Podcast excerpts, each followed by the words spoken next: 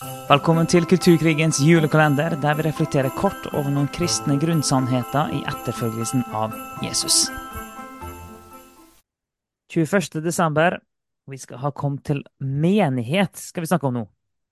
Nå, et par dager, så skal vi snakke om menighet som en del av eh, sånne kristne grunnsannheter, viktige bestanddeler i det kristne livet. Og eh, Overskriften i dag det handler om at eh, menighet er mennesker, det er ikke et bygg. Det er ikke et kirkebygg, Menigheten er mennesker, det er familie. Eh, så det skal vi snakke litt eh, om i dag. Ja, vi har jo vært innom det. Vi snakket jo både om dette med samfunnet, når vi, disse her med apostles lære, samfunnet, brødsbrytelsen, bøndene. Så samfunnet som fellesskapet er en del av dette. Og vi har snakket om det med i forhold til lagt til menighet, å bli en del av en familie. Så vi skal bare understreke litt ekstra nå, da. Vi skal ikke snakke om selvfølgelig alt som har med menighet å gjøre i Bibelen men understreker dette her med at eh, bygg er ikke kjernen av menighet.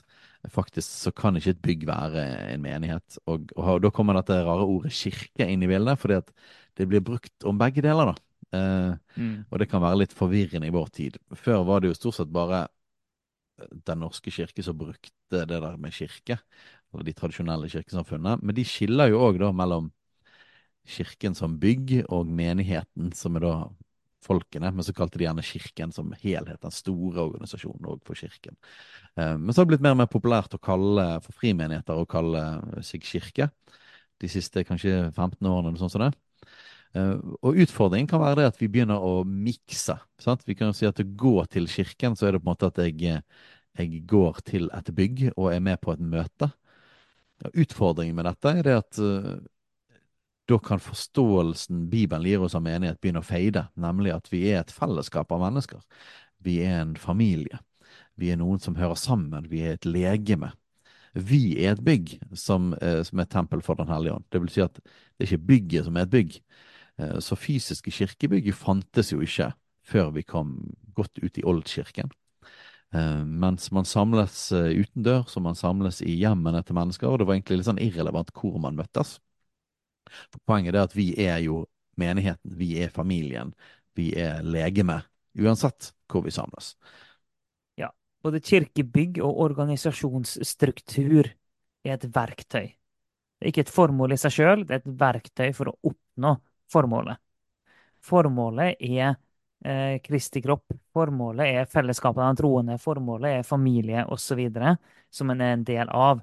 Så, og, og, vi sier ofte ja, jeg går i den, den menigheten. Eh, og, og, så har vi rett og slett tenkt at det betyr at jeg er en del av en organisasjon, eller at jeg går på gudstjeneste, jeg går på møter. Og så skal, skal, skal på en måte være for pirkete i all sånn språkbruk, men samtidig så, eh, så det, må vi, vi må være bevisst på det. Eh, og hva, vi, hva er det vi implisitt sier med de ordene og de formuleringene vi bruker.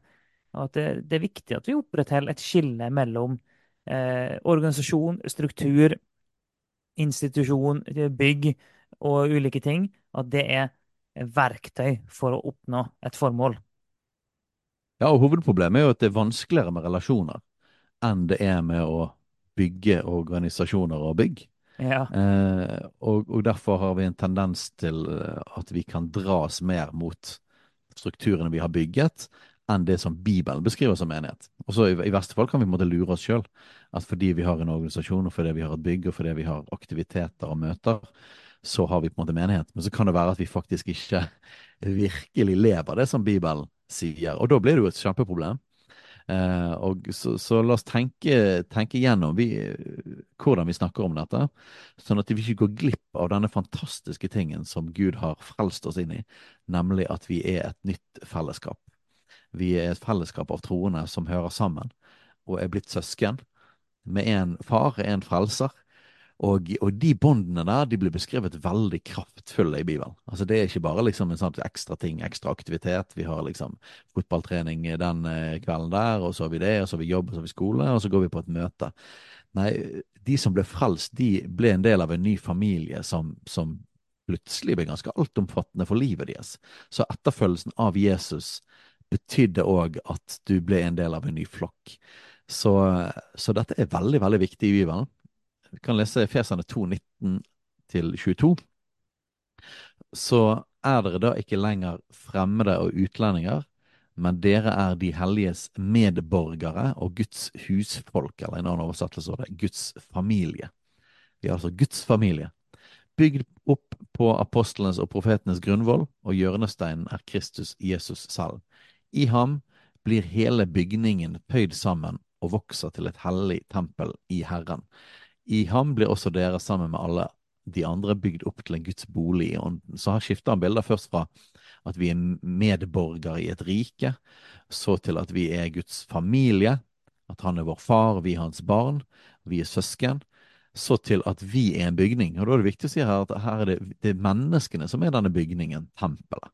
I, i, i den gamle pakt så var det tempel, det var jo tre forskjellige templer, og man kom dit, og man møtte Gud, og Gud var liksom i det aller helligste. Mens i den nye pakt så er tempelet blitt vi, altså folket er tempelet. Vi er levende steiner som er bygd sammen til å være en bolig for Gud. Så sammen skal vi bære hans nerver. Vi skal være en eh, eh Her på jorden så er ikke vi bare oss mennesker, men, men Den hellige ånd er over oss. Og sammen så, så bringer vi Guds rike. Vi bringer Guds nerver og Guds herlighet ned på denne jorden. Inn i liksom mørket kommer vi med lyset. Eh, overalt der vi er. Og, og, dette med at vi er en menighet, en, vi, vi, er en bygning føyd sammen for å være tempel for Gud, er en veldig viktig del av forståelsen av, av hvem vi er. Det er faktisk helt avgjørende å forstå det der, og forståelsen av at Guds tempel det er det stedet der Gud er. Det er bare at tempelet har forandra seg fra gamle testamentet til det nye. I Det gamle testamentet så var tempelet det var der Gud bodde. Det der, der kunne du møte Gud. Der var det himmel og jord møttes i tempelet. Det er den gammeltestamentlige forståelsen av tempelet. Og nå sier Det nye testamentet at vi er Guds tempel i første, eh, første, eh, både i første og andre korinterbrev så, så, skriver Paulus om det her. I første korinterbrev 3,16 så sier han jo at vet, eh, vet dere ikke at dere er Guds tempel, og at Guds ånd bor i dere? Der, der berører vi litt. I andre korinterbrev 6,16 så sier han at vi er jo den levende Guds tempel, slik Gud har sagt. Jeg vil bo og vandre midt iblant dem. Jeg skal være deres Gud, og de skal være mitt folk. Og når Gud sier at han skal bo og vandre midt iblant dem, og han snakker om mitt folk og den levende Guds tempel, så det er den nytestamentlige forståelsen av menighet av Guds tempel. Det at vi er levende byggesteiner, vi er levende Guds tempel, og Gud han tar bolig i oss som enkeltkristne og i oss som menighet. Og Det må vi, må vi ta med oss når vi forstår det at menighet det er det her, og det er fellesskapet av den troende, ikke et kirkebygg. Kirkebygg er et bygg. That's it. Ja, og eh, ekstra viktig å understreke dette på grunn av at vi lever i Vesten. Og den vestlige kultur er veldig fokusert. Vi, vi er gode på organisering. Vi er gode på å bygge liksom, systemer og sånne ting som det. Og det har masse godt for seg. Det har ført blant annet til mye velstand og, og god, godt organiserte samfunn. Men vi drar mye av denne vestlige tankegangen inn i det når vi tenker menighet. Mens, mens, eh, mens menighet er mye mer preget av en Midtøsten-tankegang og en hebraisk tankegang av familie og klan, og at vi hører sammen, og at det er folk. Eh, og i, tillegg så er vi jo preget av at eh, Romerriket ble kristnet med keiser Konstantin, mm. og, og, transformerte det romerske tempelsystemet. Og eh, den romerske avgudsdyrkelsen, så tok han på en måte bare byttet om eh, alt med liksom et, et, et, system, et kristent system, da, et kristent tempelsystem, kan du si. Og, og, veldig mye av måten vi tenker menighet, kirke på og sånt, det kommer fra, fra det mer enn fra Det nye testamentet. Ja, og vi er ikke imot bygg. Vi er bare imot at det skal være menighet. Og vi sjøl har et bygg i vår menighet. Eh, vi har til og med fått et bygg som er jo en egen historie og et uh, gudgitt gave i seg sjøl, hele den historien der. Men det er vi veldig takknemlige for. Vi er veldig takknemlige for det bygget, for det, det bygget tjener oss godt. Og det, mm. er, og det, gir oss en form og en struktur som tjener fellesskapet godt. Men det bygget er aldri poenget. Det skal bare hjelpe til til det som er poenget. Ja. Så la oss ikke gjøre byggene og organisasjonene til avguder, eh, men la de få ha sin rette plass. Mens menighet, det er fellesskapet. Det er samfunnet av de hellige som, som hører sammen. Og eh, ja, dette trenger vi. Vi får snakke mer om det en gang eh, seinere, men, men eh, vi trenger virkelig sånn hjelp til å få en, fornye vårt sinn i forhold til dette. At vi går, går vekk fra å tenke vestlig til å tenke mer kristent.